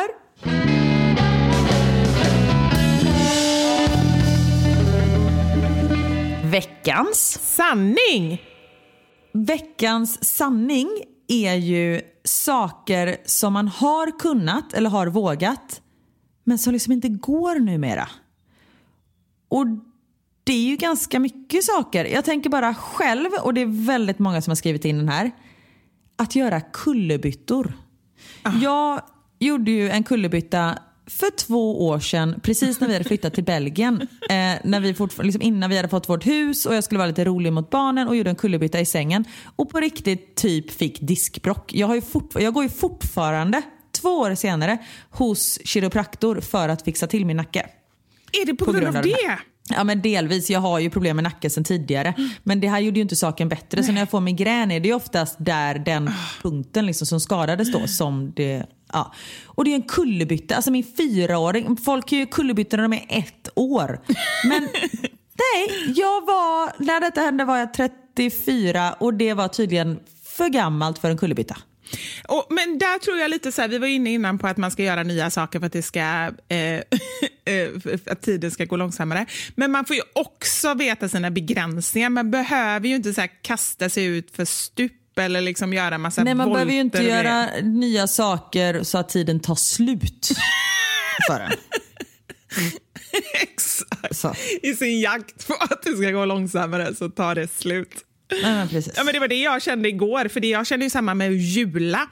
Sommaren, mamma har berättat mm. det, sommaren när jag eh, när jag var tio år. Alltså jag gick inte. Jag julade fram på gatorna. Och Då pratade vi om liksom så här på asfalt utomhus det, det, var bara ett stort hjul som kom rullandes. Liksom. Oh. Och Det gjorde jag det jättemycket när jag var liten. Och Sen så av någon tråkig anledning så slutar man. Och Sen så har jag varit så när jag tänkt på det nu, bara, men gud, jag tror inte ens att mina armar håller. För jag tränar ju inte armarna någonting heller. Jag har ju starka ben för jag springer. Men jag gör ju oh. inga, ingenting med armarna. Men då sa Knut det, jag bara, ah, det är jätteroligt, nu måste du testa. Så jag var tvungen att testa att hjula igår. Och, men det gick ju, du kom ju runt. Ja, du bröt väl inget? Julning eller inte, men jag kom runt. Men det är liksom, jag mm. känner likadant att det är ju inte någonting, jag tror inte det är bra för kroppen liksom att göra sådana grejer. Nej, jag gick ner i spagat häromdagen. Eh, för det har jag alltid kunnat mm. göra. Uh. Och jag kan säga, jag klarade det nästan. Bra Karin! Men, Vi var på middag och jag kan säga anledningen till att jag nog inte gjorde sönder något, mm. alltså något ligament, var nog för att jag hade en fördrink innanför västen. Men vet du, jag får så mycket frågor nu. Varför gick du ner i spagat på en middag? För att det var en femåring som kunde gå ner i spagat och då skulle jag, 36 år gammal, visa att det där kan jag också minsann. Flytta på dig ungjävel. Och så knuffade jag bort henne och gled ner. Och det var liksom bara några centimeter kvar. Och Niklas bara satt så här. Nej, nej, nej, nej, nej, nej, nej, nej, nej, nej, nej. Men tji fick dem. Ja. Bra. Sen att jag inte kunde gå dagen efter är ju en annan sak. Men det, det kände jag inte där och det får de aldrig veta. Och Ibland gäller det bara att visa vad, vad skåpet ska stå. Så är det bara. Oavsett, vad, kosta vad det kosta vill. Ja, på gott och ont. Verkligen. Men okej, okay, det, det om sammanfattningsvis nu med era svar så skulle jag säga att eh, hos mig så handlar 80% om olika typer av eh, gymnastiska saker. Alltså som har med rörlighet ja. och mod och vighet att göra. Mm. Ja. Eh, och jag är helt chockad över hur många av er lyssnare och nu, nu, då, jag, nu ger jag mig in på matte här, fast jag sa att jag inte skulle det. Om man Uff, tänker då, ni är 78 mm. miljoner. Jag skulle säga 10 procent. 7,8 miljoner av er har någon jag gång... 7,3 blir det då. ja, precis. Karin, du är bara tyst när jag pratar matte här nu. Bara, bara tyst. Ja, förlåt. eh, har någon gång kunnat sätta fötterna bakom huvudet. Alltså, ja, det, är som det har jag skrivit det till mig. Har du det? Ja, jag kunde det. Jag kunde båda, men jag var ju vig vet du, när jag dansade. Ah. Men det kunde jag. Men det går ju inte längre. Alltså nu känns det som att röven ska gå sönder. Det hade varit obehagligt om du hade kunnat, om du hade kunnat göra det Karin, hade jag sagt. Ja, man ser ju ut som någon så här indisk gud. Nej, men, du vet, för de har ju bara så här armar och ben över. Exakt. Nej men det är, det är... Och bara en sån enkel sak. Att sitta på marken. Det kan jag inte heller göra. Alltså det går ju, men ge mig två sekunder och hälften av kroppen har ju fan somnat. Ja. Alltså man kommer upp och bara så här och liksom man känner inte ena benet och andra benet har blivit korta fortare. Alltså det är så här, det är så konstigt. Nu när vi pratar om det här, nu måste jag ta upp det. Jag har skrivit det på ett sms och nu är det så långt bak bland mina sms så jag hade nästan glömt det om jag inte hade läst igenom allihopa. Mm. Eh, apropå det här när benet somnar. Ja. Det här är, jag trodde att alla kände så här, men nu har jag fått reda på när jag har frågat lite folk att jag, det är ingen, ingen jag har frågat som upplevt likadant. När mitt ben somnar Ja. eh, och, och liksom så här, nu känner jag så här, men nu har jag somnat, då vet jag att um, efter ungefär 30 sekunder då kommer jag börja må jätteilla om jag rör mitt ben. Alltså jag kan inte röra det för då bara... Uh, uh, uh, uh. Alltså jag får så här jättekonstig känsla i hela kroppen. Typ ett, ett illamående på något sätt som gör att det går inte.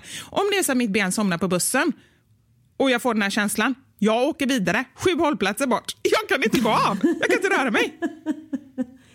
Men alltså, mår du illa av känslan av att ditt ben har somnat eller blir det en följd? Alltså förstår du vad jag menar? Man kan ju säga, gud vilken obehaglig känsla jag har i benet. Det är Nej, liksom, nej, nej. Jag mår illa av den Nej. känslan. Eller du mår illa. Det, är Det en blir en fysisk det, ja. reaktion. Det är inte så att Åh, det här är obehagligt, utan det blir liksom en fysisk illamående reaktion som gör att jag kan inte, jag kan inte stötta på benet. Jag, jag, alltså det är så, jag kan inte förklara det.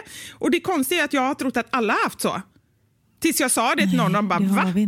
Och sen så har jag börjat fråga fler och ingen som jag frågat känner igen sig.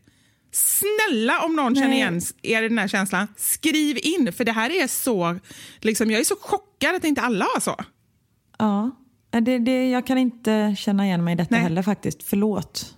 Nej, ja, men det, jag blir inte så förvånad eftersom det, jag, jag nu har förstått att det inte är så vanligt. Men jag bara var tvungen att, att få ur med det nu när vi ändå var inne i, på ämnet. Ja. Eh, ah, Okej, nej, men att röra sig det kan vi inte och att sitta ner på marken det kan vi inte heller. Nej. Nej. Här, den här känner man ju igen. Äta ett helt paket rostmackor och en liter O'boy utan att gå upp i vikt, må dåligt, må illa och så vidare. Nu är det ju, jag fick för mig häromdagen att rosta en macka och ja, jag tror fan jag drack ett glas O'boy till. En halv macka och man mår ju ganska dåligt av sånt där vitt formfran... Eller heter det? Formfranska heter det? Ja, fast- Bara sånt, det är ju bara luft. Och sen, det är ju svingott men man mår ju lite dåligt faktiskt. Men är det inte mest då att så här, psykiskt? För att jag tror att jag skulle nog kunna äta absolut tio stycken, men sen hur, må, hur man mår efter det, både illamåendemässigt men också så här, det känns ju bara så här helt jätteonyttigt för att man har lärt sig att det är onyttigt. Men eh, eh, jag skulle nog ändå kunna äta ganska många. Eller? Ja, men, ja. Jag bör, började faktiskt må lite, lite illa. Ja. Och det var inte. Jag har inget problem med att äta saker som är onyttiga. Eh, men detta var... Nej, det var... Och så här, fan vad... Vet, varje dag efter skolan innan jag gick till dansträningen så käkar man ju typ rostade mackor eller sån här Skogaholmslimpa. Åh, Fy gott fan vad gott. Så något man ju. Mm. Och jag gjorde även, käkade, det här har jag säkert sagt innan, men konserverade päron Ja. som du vet ligger i burk. Ja. Hällde start på det, alltså sån müsli. Lite kanel, in i mikron i typ 10 sekunder så att den blev lite ljummen. Där har du ju bara där en päronpaj. Det är ju fantastiskt gott. Och sen typ 7 liter eh, vaniljsås på det. Det som jag bara typ drack i ett glas. Supergott. Men du vet varje dag. Ja. Nej, ja, jag vet. Men och det så var ju vägde jag så helt här sjukt 40 hur man kunde... kilo. Det Ja. var, nej. Det är galet. Vissla är det flera som har skrivit till mig. Och Då var jag såklart tvungen att se om jag kunde vissla. Och Jag skulle gissa på Mm. att ungefär 40% av er som lyssnar provade just nu att vissla. Ja, det är inga Mm. konstigheter. Men det här är för folk som har tappat förmågan och säger att det bara, jag bara, det bara blåser. liksom. Jag tänker man kanske lärde sig innan och sen tappar man någon tand och sen så funkar det inte och sen så har man inte testat sen dess. Och sen har man Typ. löständer och då åker de ut när man försöker. Exakt, så måste det varit. Hänga knäveck. Det var länge Det skulle man inte klara nu. Jag skulle, ja, jag skulle inte ens kunna böja mina ben åt, åt det hållet. Inte jag säga. Det är väl det rätta hållet, man hänger inte åt andra hållet. Men, Andra hållet går bra. ehm, nej men man måste ju böja dem väldigt mycket för att liksom få ett grepp. Jag tror bara jag kan böja mina i 90 grader typ. Men det går inte. Vi skulle dö. Och här är en till. Åka berg och dalbanor. Trodde. Äh, aldrig fan. att jag skulle bli så tråkig att jag tackade nej till mina barn. Nej men nu, jag kan ju inte åka, jag får ju dödsångest, alltså på riktigt. Mm. Eh, det är inte det att jag tycker att jag mår illa eller någonting, för det gör jag inte när saker snurrar. Eller kanske jag gör nu för tiden, jag vet inte. Men jag får ju på riktigt dödsångest och det är liksom inte värt det. Och jag har ju än så länge kunnat ta hand om Max. Mm. Jag, är här, nej men jag, jag åker de här ponnyhästarna med Max, men nu vill ju han också åka de där grejerna. Så Niklas har ju liksom, han håller ju på att gå in i väggen efter vi har varit på något ställe för att han är tvungen att ta båda barnen överallt. Eh, Medan jag och typ står i kön till popcorn. Nej. Eller Karin sitter själv och åker de där ponny- ponnyhästarna. Vad är, vad är mamma? Exakt och bara. Stanna, stanna jag mår dåligt. Ja, Den här är ju rolig. Liggande stolen. Jag trodde det var någon typ av yogaövning eller någonting. Jag bara, vad var det nu? Ah, Jag känner nej. jag igen. Så här stående hunden och kissande vargen och liggande stolen. Nej men där har vi en sån sak också som jag sa förra veckan med mina mattekunskaper. Jag var ju superduktig men nu kan jag tydligen inte huvudräkning längre. Nej, just det. Man har bara kopplat bort helt. Ja. Cykla utan att hålla i styret. Gud, jag hade ju dött på en sekund. Det är sant. Jag tycker det har blivit lite läskigt att cykla. Alltså bara en sån sak är ju... Jag liksom, när jag ska cykla med barnen till skolan, jag har ju fullt sjå med att se till att inte de liksom försvinner ut i någon väg eller något sånt där. Att de tittar och sånt där. Men också, jag tycker när bilar åker förbi, ja då vinglar jag till. Jag tycker det är läskigt. Men jag tror också att det kan ha att göra i, när jag åker på något gupp eller någonting, mina bröst är ju så stora så de börjar ju svingas fram och tillbaka och då blir liksom tyngden fel. Så du börjar wobbla fram och tillbaka liksom så här på sidorna? Ja men det är som jag har, du vet såna här fändrar som eh, man hänger på utsidan av en båt. Och du tänker att mina bröst är såna och så sätts det i gungning så det blir liksom, de flyger. Fast å andra sidan, det är bra krockkuddar du har där. Om något skulle hända. Absolut, Ja. verkligen. Och så jag får ju liksom kasta upp dem i ansiktet om det händer något. Så skyddar de ansiktet utan problem. Eller kasta bak en så de skyddar även Max som sitter bak på stolen. Karin. Ja, herregud. Mm. Ha ett sexliv, är något man skriver. Ja, det är sant. Och, och det här, bara dricka alkohol, festa, dricka shots. Ja, nej, det går inte. Det går ju inte. Alltså, Nej. men förr i tiden, när jag gick i skolan, på gymnasiet, inte gymnasiet kanske, men Balettakademin. Jag var ute, festa. Sen har jag aldrig druckit så här superduper mycket, men jag har ändå druckit liksom. Gick hem, duscha, gick till skolan. Inga problem. Nu får jag liksom så här, kan vi inte äta middag på torsdag? För på måndag har jag ett möte och då pratar vi liksom om att äta middag med liksom två glas vin till. Jag måste planera långt i förväg. Aha. Nej, den eh, skillen eh, den har man ju tappat helt. Och här då, det här har Mm. jag aldrig kunnat. Jag har alltid varit väldigt imponerad av de som har kunnat det. Eh, öppna läskkapsyler med tänderna. Oh, oh, jag får ont i hela kroppen. Ja, Men nu flyger någon plomb eller något om man skulle göra ja något sånt. exakt. Jag tror det är det jag menar. Sola topless. Och gud, det har jag aldrig gjort. Nej, Det har Har jag inte det? heller gjort det. Nej. Men nu tänker jag nu om jag skulle sola topless. Det hade ju varit en fara för folk. För att... Nej, Men för, för det första att jag råkar slå till någon. Och sen tänker jag också, om jag lägger mig på rygg så flyter de ju ut åt sidorna så det ser ut som jag har smält. Alltså så. Så jag kommer ju bränna liksom Ja, jag kommer ju bränna undersid, liksom där brösten hänger ner i vanliga fall. Ja. Om jag skulle sola nu så de åker åt sidan då skulle jag ju bränna där för den huden har ju inte sett solen på flera år. Åh, gud. Nej, men jag har alltid så här, jag vet inte, jag har aldrig varit bekväm med att sola topless. Vissa är ju superbekväma med det. Jag tycker bara så här, och jag tycker jag kan vara lite imponerad då, av folk som bara, ah, det spelar ingen roll, men det skulle jag känna mig jätteobekväm. Ja, nej, men det är faktiskt samma här. Du, sug på den här. Oj. Springa i nedförsbacke. Ah, jag förstod ingenting först. Jag tänkte det är väl inte så jobbigt. Är det Nej. någonting man vill springa så är det väl neråt. Ja men alltså du vet så här, släppa på, ja, men allt. Jag tänker bara det, det, att man får upp lite för hög fart och bara flyger. Men du är i och för sig löpare. Spring in i typ stor öppen dörr i ett hus framför. Man bara springer rakt in. Ja, man får nej, inte men stopp. det, ja, ja. Det är enda sättet för mig att få stopp. Hoppa studsmatta det är många som skriver. Men det är ju, jag har hört att man efter man har fått barn ska man typ inte hoppa studsmatta. För det är sånt som, eh, sen kan allting flyga ut efteråt. Men det är Alltså bra att kunna säga efteråt. till barnen faktiskt. Ja men det skyller jag fortfarande på. Jag får inte hoppa för jag har fött er. Så de frågar inte ens mig.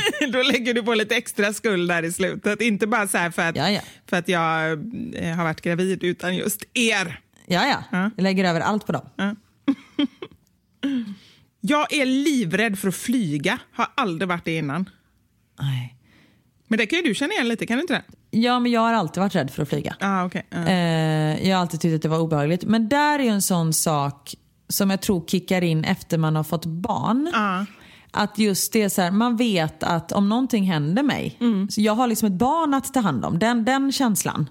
Eh, och just flyga, om någonting händer när man sitter på ett flygplan, då är det ju, alltså om ett plan störtar, det är inte jättestor chans att man överlever. Nej. Ja. Ja, nej, det är Men det är det, för det är samma sak med höjder. Jag har ju berättat en, en gång när jag var på eh, Möhippa för ett tag sedan när vi skulle göra sån här höghöjdsbana. Och jag Ja. har liksom inga problem med höjder, trodde jag. Tills jag kommer upp 10 meter upp och det, kroppen bara låser sig. Jag kan liksom inte röra mig överhuvudtaget. För de fick fira ner det, eller vad hände? Nej men jag fick liksom backa, jag fick, jag fick gå ner igen. För jag var så här, jag, bara, jag skulle kunna du vet, bara koppla bort hjärnan och göra det men då skulle jag ju ligga som liksom i migrän sen efteråt när jag väl kopplar på hjärnan igen. Ja.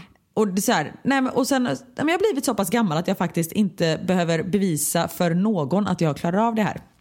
Men du, är inte det en bra slutsats till det här? För att jag tror att mycket handlar om just det. Att eh, man gör det inte längre för att man gjorde det tidigare. Kanske inte alltid för att man tyckte att det var så himla roligt. Vissa saker tyckte man var roligt, men inte allting. Men också för att man skulle passa in i gänget och man skulle vara modig, man skulle vara tuff och liksom så här. Nu bara så här, skit i det. Verkligen. Det var väl ett jättebra avslut. var Varför skulle jag behöva avslut. bevisa att jag kan klättra i en dörrpost för någon? Du vet när man har en fot på varje sida. Som Spiderman klättrar upp så. hade ju varit ganska coolt. Men ja. Vem klättrar i dörrposter om man inte är fem jag år? gjorde inget annat. Nej precis, när jag var liten jag gjorde inget annat. Oj. Ja. Jag hängde där vet du. Ja. Var är Karin någonstans? Hon är i dörrposten. Ja precis, jag var som Spiderman. Jag bara satt uppe i så ett hörn och bara. Den här kan vi avsluta med. Ja. Dygna. Fan, stannar man uppe längre än klockan 23 är man ju körd i flera dagar. Alltså det är sån igenkänning på den. Men, Hur orkade man vara vaken så länge? men sen kan jag ju tänka också så här, dygna, det fanns ju inte ens, alltså själva begreppet. Och sen var man ens uppe, alltså det var ju inte coolt på det sättet, i alla fall inte hos, hos mig. Alltså man dygnade ju inte för att dygna utan det var ju för att man festade. Ja, du tänker så. Jag tänker nu att man var, när man var liten, när man kanske var så här 12-15, för nu är ju barnen i den åldern vill ju vara uppe hela dygnet. Ja, liksom. precis. Men, ja, men det eh, säger ju Tio också. Han bara, jag ska dygna. Man bara, okej, sen klockan ett så har jag somnat. ja, men det är som sagt, nu, är det ju, nu vill man ju inget annat heller än att sova. Nej. Man kanske kan göra tvärtom, dygna, alltså så här, sova ett dygn. Det är, det, det är mammadygn. drömmen. Mammadygna, Verkligen. det. Mammadygna. Ja, MD. MD mammadygna. Ja, det vore någonting. Ja. Men tack för idag, Karin. Tack själv och tack för att du delar med dig så mycket. Ja, det, det, är bara, det är verkligen så. Det bara blir som det blir. Ibland blir det, blir det skratt och ibland blir det gråt. Ja. Eh, och vi, är- vi är tacksamma för att ni är med oss både upp och ner. Verkligen. Och eh, om ni känner igen er i något av det vi har pratat om idag, eh, kanske inte det här med att eh, mammadygna, eller det får ni också skriva in. Men jag tänker mer på de, de små problemen som vi har tagit upp. Exakt. Nej, men om man har eh, barn som eh, ljuger eller har en man som inte gör klart sina byggprojekt. Skriv in så kan vi prata igen om det nästa vecka. Tack så mycket, Karin. Tack eh, alla ni där hemma som har lyssnat. Ta hand om er och ha en fin vecka. Ha det gött! Ha det bra! Hej! Hej! Podplay.